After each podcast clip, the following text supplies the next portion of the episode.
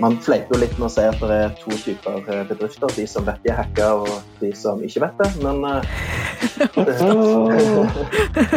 det, er jo fordi at vi gjerne generelt er litt dårlige til å lete etter det. Det er ikke akkurat som om hackerne sier fra at de er inne. Velkommen til en ny episode av Deloitte-kast. Og denne gangen, for aller første gang, så sitter jeg ikke noen av gjestene mine, og heller ikke deg, Alex. Nei, Velkommen sitter... til deg. Tusen takk, tusen takk. Nå sitter vi hver for oss her eh, på hjemmekontor. Ja, på lik linje med resten av Norge, stort sett, så spiller vi podkasten fra hjemmekontorene våre. Eh, og hva er vel ikke da bedre enn å lage en episode om nettopp hvordan gjøre det beste ut av denne hjemmekontorsituasjonen. Yes, og vi stiller da spørsmålet rundt hvordan å sikre godt samarbeid virtuelt i denne perioden, og hvordan kan vi gjøre det på en sikker måte. Mm. Eh, så for å snakke om dette, så har vi med oss eh, Børge og Børge. Ja, vi tenkte Velkommen. det var kjekt å samle de Børgene vi har i, i Deloitte.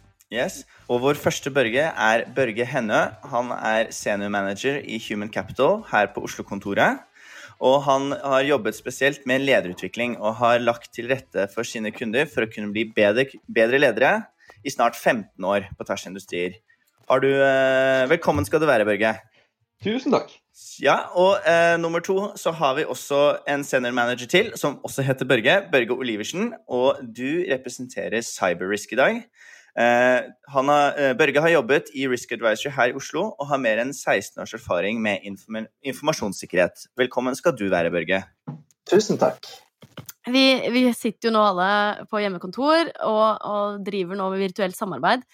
Hvis du tenker på Hva er de viktigste implikasjonene um, du vil trekke fram? Hvordan påvirker dette oss, egentlig? Jo, det som kanskje er litt eller det som jeg syns eh, treffer, treffer meg litt, det er jo at alle de jeg prater med, både når det gjelder eh, kollegaer, men også kunder, så har alle sammen en, på en måte en veldig forskjellig opplevelse av å være på hjemmekontor. Så det som felles er at vi sitter hjemme, men tror hverdagen til den enkelte er såpass unik og såpass forskjellig nå at det som funka for meg, funka nødvendigvis ikke for noen andre. Man sitter jo i en helt annen setting, som du sier, Børge. Vi har i stedet for ett eh, felles areal og felles kontor, så har vi 1500 bitte små kontorer, og alle kontorene er ulike. Ja. Mm. Og jeg skal også tenke liksom hvordan arbeidsdagen ser ut nå. og Arbeidsdagen ser jo veldig forskjellig ut. Eh, så noen jo har fått veldig mye mer å gjøre, i tillegg til hjemmeskole og de som også har barnehage. Mens noen har også fått, fått mindre å gjøre. Mm.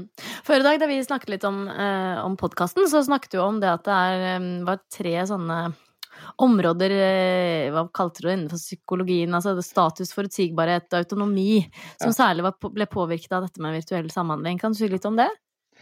Ja, altså Det er vel litt koblinga både med virtuell samhandling og at vi er i en, i en krise. Så, så, det er egentlig det er fem hovedområder, men det er tre jeg ønsker å trekke fram. og Dette fra arbeidet mm. til en heter David, David Rock. Og det som er sagt med disse, at de, de, har noe å si hver dag, alltid, i alle typer mot det sosiale settinger som vi er i. da. Og De elementene jeg skal trekke frem, da, det ene går på forutsigbarhet. Og så vet jeg at jeg har en jobb, kjenner til arbeidsoppgavene, kjenner jeg til når vi skal møtes, har jeg nok informasjon så jeg kan planlegge eh, dagen min. Og til vanlig da, Hvis vi får mindre forutsigbarhet, så er det veldig mange som måte, ja, blir litt sånn negativt eh, satt ut av det, og man jobber etter å få mer forutsigbarhet i den situasjonen vi er i nå, så veldig mange av oss har det så uforutsigbart som vi noensinne har hatt det. Så både når det kommer til mm. hva skjer i verden altså Vi er ikke ferdig da med, eh, med den koronakrisa som, som, vi er. Vi har ikke sett den spille seg ut, så den er usikker. Veldig mange er usikre på, på, jobbene sine, om de blir permittert. Mange har blitt permittert og veldig usikre på om man kan opprettholde eh, ja, livet sitt og, og lånene sine og, og de tingene. I tillegg så har det kommet en ny usikkerhetsdimensjon som har kommet inn på okay, hvordan er det vi flytter arbeidet nå over i et virtuelt område. De fleste vil jo også ikke la det eh, på en måte bare stoppe arbeid. Så måten vi også gjør jobben på, er også mindre forutsigbar. Så mm. gitt at det er bare si, i vanlig hverdagsliv at det er ganske lite skal til der før vi reagerer på dette, så er vi nå egentlig en sånn eh, si, eksplosjon da, av uforutsigbarhet.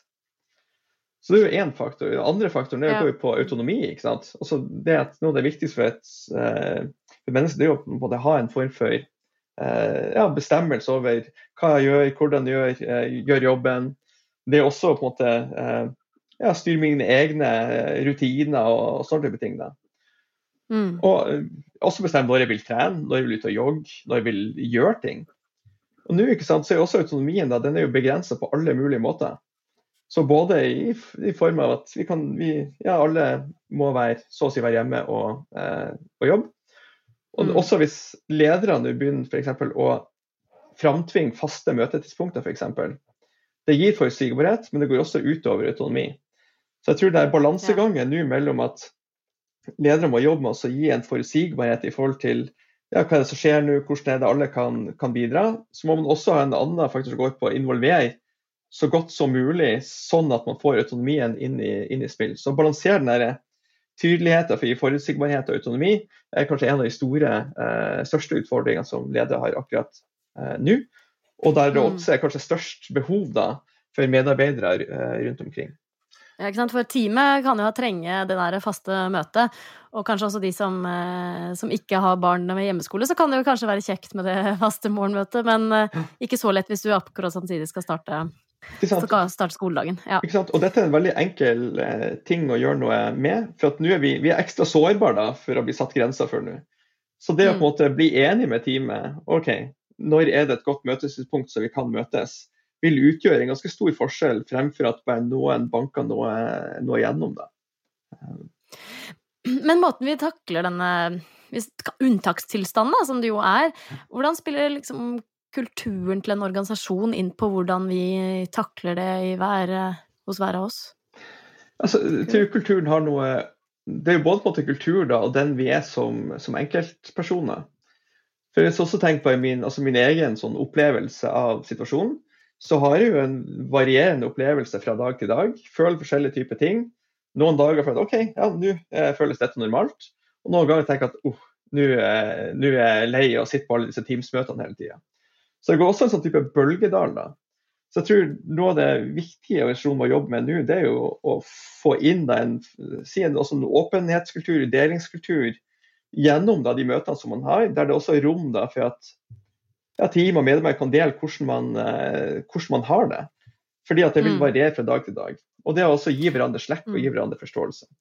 Så vi har jo, jeg, merker jo, jeg merker jo også Jeg føler jo at uh, denne tilstanden har gjort noe med kulturen vår. Altså En ting er den kulturen vi kommer inn i krisesituasjonen på, men også den Bare det at vi, vi, våre møter har begynt å gå med kamera, og vi har begynt å ha nye ritualer hvor vi har eh, møter av bare sosial art, sier jo at vi jo, endrer jo faktisk på vår kultur også som et resultat av denne, denne unntakstilstanden. Yes, definitivt. Mm. Og kultur det følger jo også de arbeidsformene som man, eh, som man har. da. Så det her jeg tenker Hvis vi går tilbake for å svare litt på spørsmålet hvordan organisasjonskulturen som var, har noe å si. Og Da er det jo litt forskjellig. Mm. Så jeg tror noen da som måte, ok, Det jeg opplever nå, da, det er både i salgsmøter og jeg prater med nye folk i Deloitte også, så som regel når kameraet går på, for vi har som regel kameraet på, så sitter et smilende vesen på andre sida og småhumrer. Og jeg humrer også, og så humrer vi sammen. Og Det er jo en av de grunnleggende menneskelige greiene at når vi ler sammen, da, så viser vi at vi, hverandre er ufarlig. Og Når man gjør det tidlig, så er det raskere å vite at OK, jeg vil deg vel, du vil meg vel. Så da kan vi hoppe rett på, på sak. da. Mm. Men noen ganger, og i noen kulturer og en god del av prater med, sier også at det relasjonelle, sosiale forsvinner bort. Og kanskje spesielt når man ikke har kamera på. For da hopper man rett mm. på sak. Og hopper man rett på mm. sak akkurat nå, så jo, noen ganger er det bra, og noen ganger kanskje ikke fullt så bra. Fordi at Det tredje elementet jeg ville nevne i stad, som går på det med altså, tilhørighet og sosial tilhørighet, og det å på en måte være en del av gruppa være en del av det sosiale, det er jo noe som vi er, vi er avhengig av å ha i livet vårt. Og Et enkelt tips da, som, eh, som vi bruker på oss sjøl, er jo på en måte før et uh, møte starter, trenger ikke være hver gang, så vel alle sammen, gjør alle sammen klar deg en emoji som representerer da hvordan føler du deg akkurat nå. Eller hva er motivasjonen din knyttet til akkurat dette temaet. Og Da sier vi at OK, på 1, 2, 3 så tar alle sammen enter, og så viser de emojien sin. I chatten. Og, ja. I chatten, ikke sant. Direkte i chatten. Da begynner jo alle hummer og le, og så tar man en rask runde på hvorfor man viser sin emoji. Mm, det har vi også gjort på teamet vårt. Ja, Yes. det funker veldig bra. Ikke sant? Men, det eh, gir- rom både for humor, da, men også for, eh, for på en måte at eh, Ja, når man ikke har det så bra, da, at man faktisk får synliggjort det og, og prate om det. Og det er også en ting vi- som Ja, kjør. Ja, vi har også gjort en sånn I tillegg til denne emoji-øvelsen, så har vi også brukt eh, en skala at man skal si eh, i en sånn check-in, da. Inn med bagasjen man kommer med. Si en, på en skala fra null til ti. Hvor bra har du det i dag? Og så en liten eh, kort begrunnelse. Det har også funket bra for å, for å åpne opp litt. Yes. Vi hadde også faktisk en sånn bål... eh, et bålmøte, eller bonfire session som de kalte det i det internasjonale teamet jeg er på. Da hadde vi rett og slett en eh, streaming av eh, et, en flammer på skjermen, og Ja. lot som vi hadde satt rundt uh, bål. Ja. Og det var veldig hyggelig. Men eh, du nevnte jo nå, Børge, om dette med at du skrur på chatten, og så går kameraet på med en gang. og Da, da begynner vi å snakke litt om eh, ting man ikke er helt vant til, særlig da spesielt på sikkerhet på den digitale fronten. Eh, og når vi alle sitter med våre hjemmekontor, eh, hvordan endrer da cyberrisikobildet seg? Jeg, vet ikke, kanskje um, Oliversen kunne kommentert litt på det? Ja, og bare, og Før du snakker om hva, måte, hva, hvordan risikobildet endrer seg, kanskje start med en liksom kort Hva er egentlig cyberrisiko? Hva er definisjonen på det, hvis du eh, liksom, sier litt hva det egentlig går ut på? Veldig glad for det spørsmålet der. Eh, Det er alltid et spørsmål som har sikkert tusen svar. Eh, Men eh, det jeg liker å si, er at cyberrisiko handler egentlig om det, den risikoen som er rundt hva skal man si, der IT-systemene treffer den virkelige verden. Og cyber er liksom det området der IT-systemene våre kan påvirke den virkelige verden vi er i. Alt ifra hva skal man si, flykontrollsystemer til minibanktjenester til banktjenester osv. Det er når vi føler som mennesker at vi blir påvirka av IT-systemene, det er liksom cyber. Ja, Det er jo veldig sentralt da i det vi snakker om nå. Her er det jo veldig tydelig grenseflate mellom oss mennesker, eh, med da et eh, eh, cyber-grensesnitt oss imellom. da. Så dette er jo veldig relevant nå. Ja, ikke sant?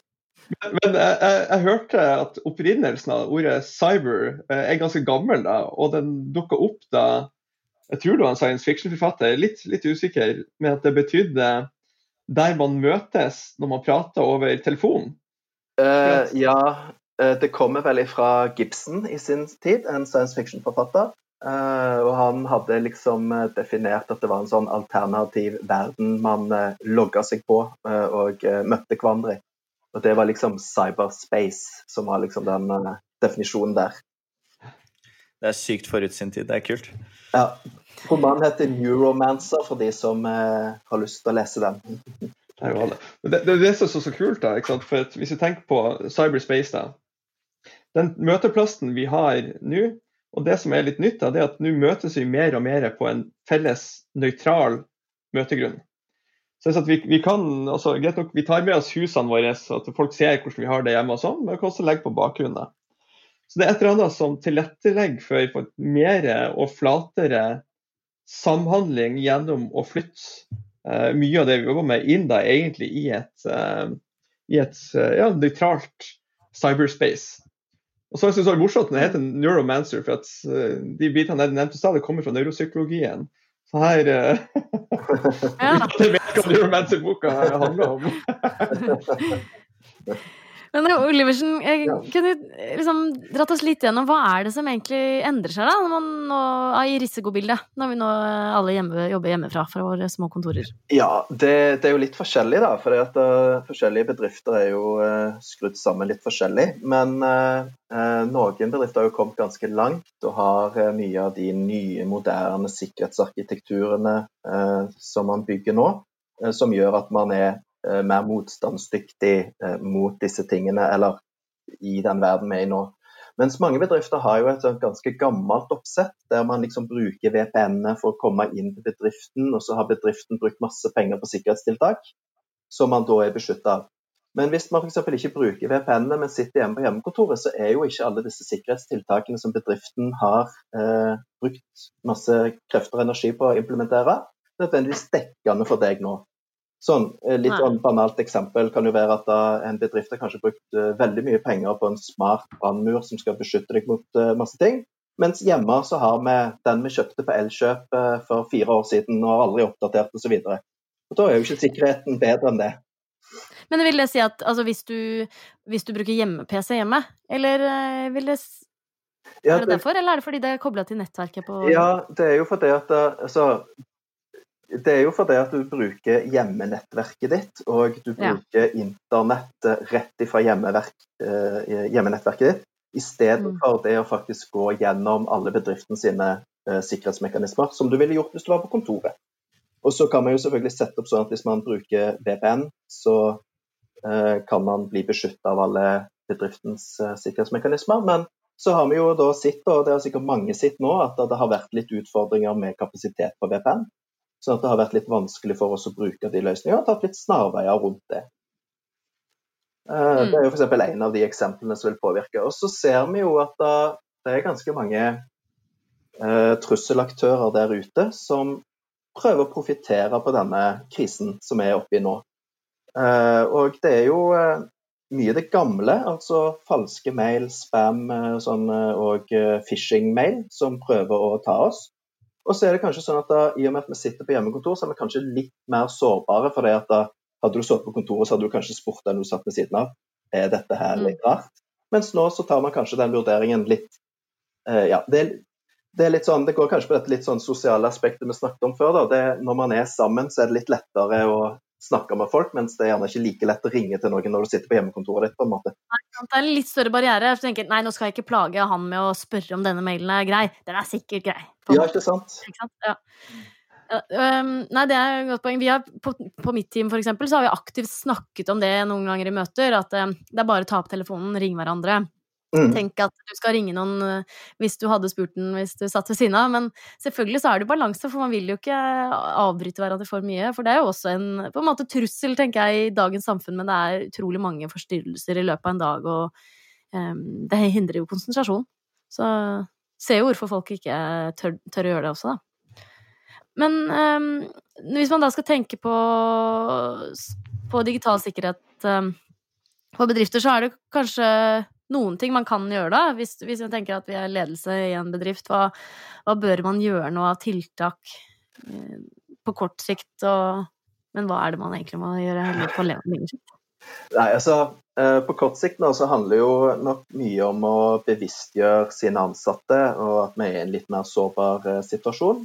Og så tror jeg det hjelper å ha litt sånn kjøreregler på plass. F.eks. at man, når man nå trenger å finne nye samhandlingsmåter, da, at man blir enige om hvilke samhandlingsplattformer sånt man skal bruke. Har gjort en god vurdering av disse plattformene, at de er trygge og gode. og F.eks. ikke deler mer informasjon enn de må, at vi stoler på de. Hvordan klarer man å gjøre den vurderingen, da? Er det, Ja, det er jo er det lett? Nei, det er jo ikke så lett alltid, da. Eh, det, det er jo kanskje det som er litt av utfordringene. Eh, så Mm. kan man jo kanskje Uh, Ja. Nei, det, det er et veldig godt spørsmål. Det er ganske vanskelig å svare på. Eh, da må man egentlig Ja. gjøre gode vurderinger ut ifra de verktøyene man trenger, og hva man kan leve med. Det er jo litt forskjellig, Mm. da. Noen eh, F.eks. hvis man er omfattet av veldig strenge regelverk, så kan man kanskje ikke bruke utenlandske tjenester engang. sant? Mens, eh, Nei, mens noen kan bruke det. Så det er sånn vurdering man må gjøre.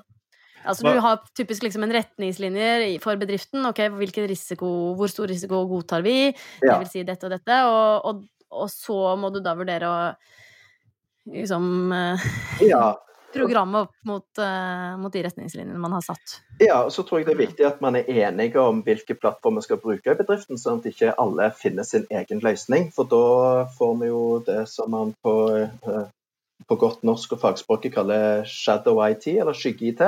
Og det er det at man bygger opp IT-strukturer ut forbi det som egentlig IT-organisasjonen har kontroll på. Og Det er jo vanskelig å rydde opp i etterpå. Altså det, for eksempel for, eh, for oss, da, så vil det si at eh, sant, noen ganger da vil jeg laste ned eh, et nytt program som jeg tenker er fantastisk, det kommer til å være veldig bra for eh, prosjektet mitt, og så Nei, det er blokkert av admin! Søren, da blir jo jeg ofte litt sur, da. Men det er, vel, det er kanskje derfor, eller? Det er vel gjerne en grunn for det, ja. Og så er det at vi er blitt enige om å bruke Teams og Skype og de andre verktøyene vi bruker. ikke sant? Det er SharePoint og OneDrive og de verktøyene vi bruker. ikke sant? Så det er sånn, mm. sånn som veldig mange andre òg bruker. ikke sant? Vi har blitt enige om mm. hvilke verktøy vi skal bruke på forhånd. Kjapt spørsmål. Det, det, er kanskje alle industrier som har dette problemstillingen her, men jeg har blitt spurt Bransjer, Alex. Bransjer, sorry. Nei, nå, jeg tenkte å bare runde av spørsmålet med uh, hva hvis kunden har en teknologi de ønsker å bruke? Hva anbefaler du da, Børge? Det, det, er jo et godt spørsmål. Det er litt sånn vanskelig, for det er jo kunden sine data. Eh, og hvis det er deres data vi forvalter, så er det jo de som bestemmer hvordan den skal Eh, forvaltes, egentlig. Så de kan jo eh, overstyre det på et vis. Eh, mens er det våre data, så må vi passe på at det er i våre, i henhold til våre retningslinjer. Og så kan det selvfølgelig være noen utfordringer midt imellom. Så det er litt sånn spesielt for Men, konsulentbedrifter som oss, da, eller alle som jobber med kunder, for så vidt? Ja, det, det, det, gjelder jo alle som må utveksle informasjon seg imellom, og det er jo det kanskje de fleste mm. selskaper i dag. Kan du gi gode tips til hva man skal se etter for å finne ut om det er en kjøreregel på at sannsynligvis er det sikkert, eller hvordan eh, avslør eh, det som er usikkert? Det som er usikkert, ja. Det er ikke alltid sikkert det er så lett, men det er jo eh, som regel så er det jo sånn at hvis det er større, mer anerkjente selskaper med god økonomi og som kan bruke mer penger på sikker sikkerheten, gjør nok antakeligvis kanskje en bedre jobb enn et bitte, bitte lite selskap. Det trenger ikke være. Dette er jo veldig litt sånn, det er kanskje litt sånn brannfakkel, men, ja. men, det går jo litt på det å ha ressurser, rett og slett. Har du mye ressurser å kunne bruke på sikkerhet, så kan du jo i teorien gjøre en bedre jobb om du har veldig lite ressurser. Det er jo litt sånn som alle ting. Også et perspektiv fra, fra ledelsessida og, og hjerneforskning er jo at akkurat nå da, så er det ekstra viktig å gjøre det enkelt og gjøre det trygt. Ja, nettopp. Yes. Mm. Og, og nå er det jo litt sånn at uh, vi jobber på, uh, på nye måter. Uh, det er mye som gjør, eller som, som opptar hodene våre. Og det vil si at våre kapasiteter til å gjøre gode og sikre vurderinger sannsynligvis vil gå ned. Så hvis det er nå vanskelig å gjøre det trygt, så øker sjansen for at folk tar snarveier. Så det med å ha det tydelig Det her gidder jeg ikke å vente på, eller eh, Exactly. Ja. Mm. Dette funka ikke, jeg har det møtet, jeg må bare, må bare få, det, få, det, gjort. det. Så nå er vi litt sånn utsatt for å ta litt dårligere sånn type beslutninger, fordi at hjernen vår er så opptatt av så mye, mye annet. Så hvis vi mm. klarer oss med å gjøre det lett og gjøre det trygt, tydelige på en måte, prioriteringer, tydelige retningslinjer Kanskje IT også jobber med å gjøre seg selv tilgjengelig da, for å være rask på ballen, da, for, å, for å hjelpe de som kanskje har noe utfordringer knytta til, eh, til, sikkerhet. Mm. Så et eksempel på det var Forrige uke så skulle jeg laste ned et programvaretillegg.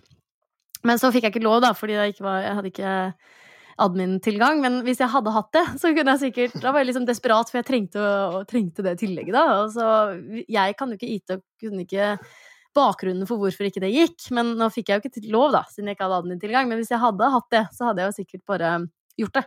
Fordi jeg ikke hadde informasjon og visste hvorfor. Men um, det kunne kanskje ha kommet uh, mer informasjon, da, f.eks. fra IT om hvorfor ikke jeg fikk lov til å laste den. Da hadde det kanskje vært litt mer forståelse. Og akkurat nå, da, så det vi opplever at i og med at de fleste vrir nå arbeidet over til til å jobbe mer virtuelt, så kommer også det behovet da, for gode samhandlingsverktøyer.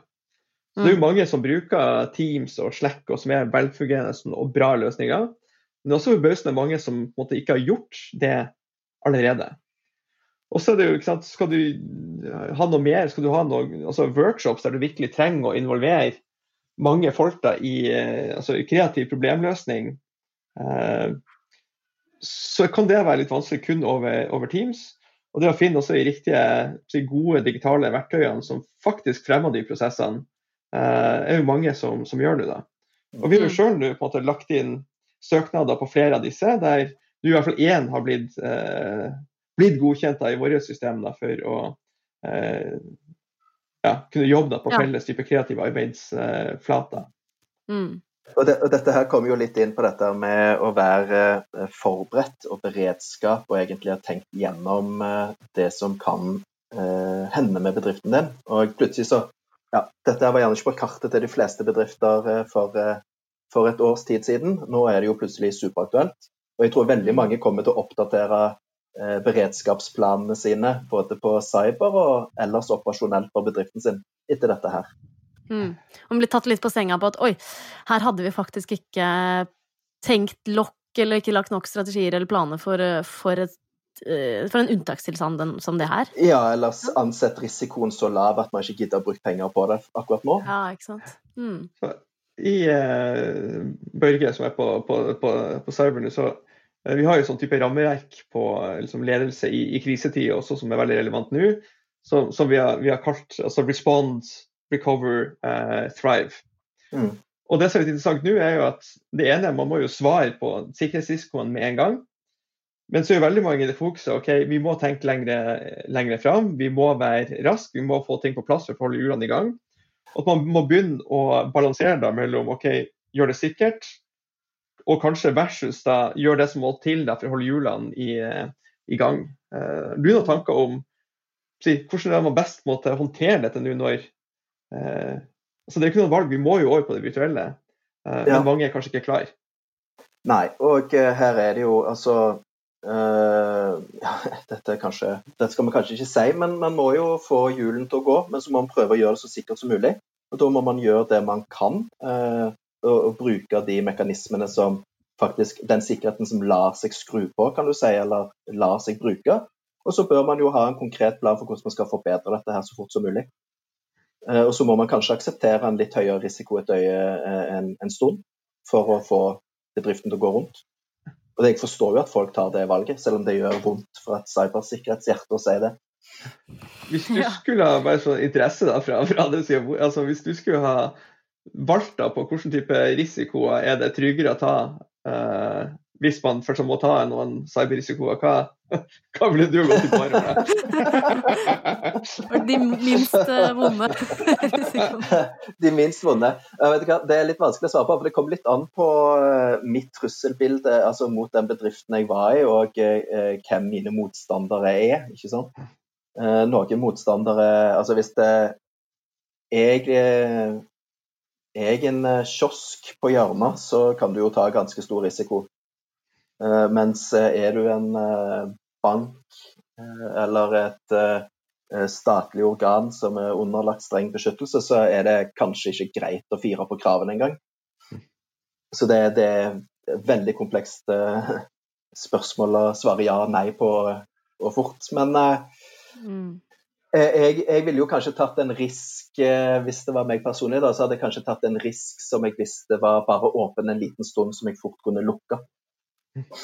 Sånn, eh, jeg satser på at ingen prøver seg akkurat det øyeblikket. Og så kan du selvfølgelig ja. gå i baret på det, men eh, det Så man på en måte begrenser eh, Ja, så man, risikoen kan bli på en måte lavere jo kortere tidshorisonten er åpen. Ja, eller risken ja. er vel den samme, men eh, sjansen ja. for at noen utnytter, utnytter den sårbarheten din, er, er jo da mindre. Eller det er, min, det er mindre anledning for å utnytte sårbarheten Eh, men Oliversen, hvordan er det egentlig vi jobber med kunder på det her? Har du noen eksempler på hva er det vi egentlig eh, gjør for å kunne gjøre dem tryggere i dette? Eh, vi jobber jo ofte med det å gjøre folk forberedt på cyberhendelser. Og så hjelper vi jo ofte folk med å ha disse katastrofeplanene på plass. Eller folk, bedrifter. Uh, mm. Og så er det det å klare å håndtere cyberangrep. For det, det skjer. Det, det, det, skjer uh, nesten alle. Eh, man, en, man, fleiper jo litt med å si at det er to typer bedrifter. De som vet de er hacka, og de som ikke vet det. Men det, det er jo fordi at vi gjerne generelt er litt dårlige til å leite etter det. Det er ikke akkurat som om hackerne sier fra at de er inne. Men, eh, det, men, det, handler jo mye om å overvåke, passe på, eh, ha gode beredskapsrutiner. Eh, egentlig ha tenkt gjennom dette her på forhånd. Og egentlig ha gode muligheter til å oppdage og svare når man oppdager at man er utsatt for noe. Og der mm. bygger vi hjelp med bedrifter å bygge de kapabilitetene Det For kan å være. Ja. ja, og det kan være alt Mm. fra uh, softwareimplementering til gode prosesser, rutiner og ja, overvåkingstjenester, rett og slett. Får vi håpe at dere som lyttere er i bedrifter der man i hvert fall uh, forstår at man er blitt hacka. Det er vel i hvert fall den beste, beste delen av uh, linja å være på. Men vi, Eh. har, men vi har sånn positiv hacking, har ikke vi det? Der vi hacka og testa ut systemene, sikkerhetssystemene til andre bedrifter? Eller? Jo da, jo da. jo da. Eh, Det er jo en ganske vanlig måte å teste eh, både sine deteksjonsmekanismer og eh, hva skal man si oppdagelsesmekanismer på det. Og det gjør vi jo ganske ofte. Og det handler jo om å finne ut at tjenestene er trygge og det er ikke noen sånn åpenbare sårbarheter. Så det er jo tjenester man, man leverer titt og ofte. Er du en hacker? Jeg har vært en gang, men det er lenge siden jeg har jobba med det, så eh, jeg, jeg, jeg tror ikke det er meg du vil ha der akkurat nå. Men vi snakket jo um, også om kamera tidligere i episoden. Altså, og for eksempel for meg og mitt team så har jeg merket en kjempestor forskjell når vi har brukt, begynt å bruke kamera som standard, fordi man får så mye bedre sosial interaksjon. Men er det noen spesielle risikoer knyttet til det å bruke kamera, eller? Oliversen? Nei, det er vel eh, det er vel det Du må jo være litt forsiktig med hva som blir filma av kamera, da. Sensitiv informasjon hvis du har sånne store plansjer og whiteboard bak deg, masse, masse bedriftsintern informasjon, så er det jo kanskje ikke så lurt. Eh, Så det, jo, det blir jo litt det, da. Sant? Og det er en av de andre tingene med at vi nå sitter på hjemmekontor, at da, ofte så har jo eh, bedrifter mye fysiske sikkerhetstiltak òg. Alle de forsvinner jo på en måte nå. På den andre siden så er det kanskje flere eh, folk som eh, går inn og ut av huset ditt enn en gjennomsnittsbedrift. Mm. Men det handler jo om det som er synlig på kamera, da, først og fremst. Og så er det jo sånn at da, en PC kan jo hackes, og alt som eh, tas opp, eh, eller alt du snakker om i lyd og eh, som er på bildet, kan jo tas opp. Mm. Eh, men det Ja, så man må passe på hva man Ja. sier. men det, men det er jo ikke, noe, ja, men det er jo ikke en Mm. sånn risiko som er særskilt i hjemmekontoret. Det er jo en grunn til at vi har sånne cover til å ha foran eh, kameraet vårt på PC-ene i Mm, det kan hende at ikke alle bedrifter har, men det har vi i hvert fall i Deloitte. har vi sånne cover man kan klistre på. Nå må vi dessverre begynne å runde av. Tiden går altfor fort alltid. Men sånn avslutningsvis så kan vi jo si at, eh, at vi eh, kommer til å linke til en del eh, informasjon om det her, hvis man har lyst til å dykke litt dypere både i cyberrisiko eller um, virtuell ledelse. Sant? Så da er det bare å gå Hvis dere søker opp DeloitteCast på, i nettleseren, så kommer vi til å linke i, uh, på Deloitte-cast sine nettsider. Så kommer vi til å linke til en del relevant info der. Eh, Med både tips og triks, og også litt om hva, man, eh, hva cyberrisiko er, eller mer hva man burde tenke på. Ja. Um, så gjelder det egentlig bare å runde av, eh, Alex. Ja. Uh, Så hva har du lært i dag? Nei, jeg har jo lært en del om uh, ting man skal huske på når man er hjemme, sånn risikomessig. Eh, både dette med VPN og, og bare det fordi du er på arbeids-PC-en f.eks., så betyr ikke det at du har liksom eh, sikkerheten til selskapet mm, av den Mm. grunn. Eh, og også kom litt til å tenke på når vi snakket om dette med kameraer og mikrofon, at eh, det jo, går jo begge veier, egentlig. Det har jo en viss konfidensialitet eh, i forhold til at du sitter jo kanskje i et åpent landskap med andre i leiligheten òg.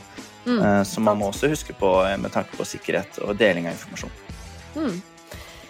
Nei, masse spennende. Og Børge og Børge, eh, veldig fint å ha dere med. Gøy eh, for første gang ha to med samme fornavn. Det gikk jo bra når man også har et etternavn. Vi overlevde Så- den. Må dere stå på videre. og Lykke til i uh, unntakstilstanden. Uh, og uh, til deg som lytter, ja, håper at dere er friske og har det bra både mentalt og fysisk. Ta vare på dere selv.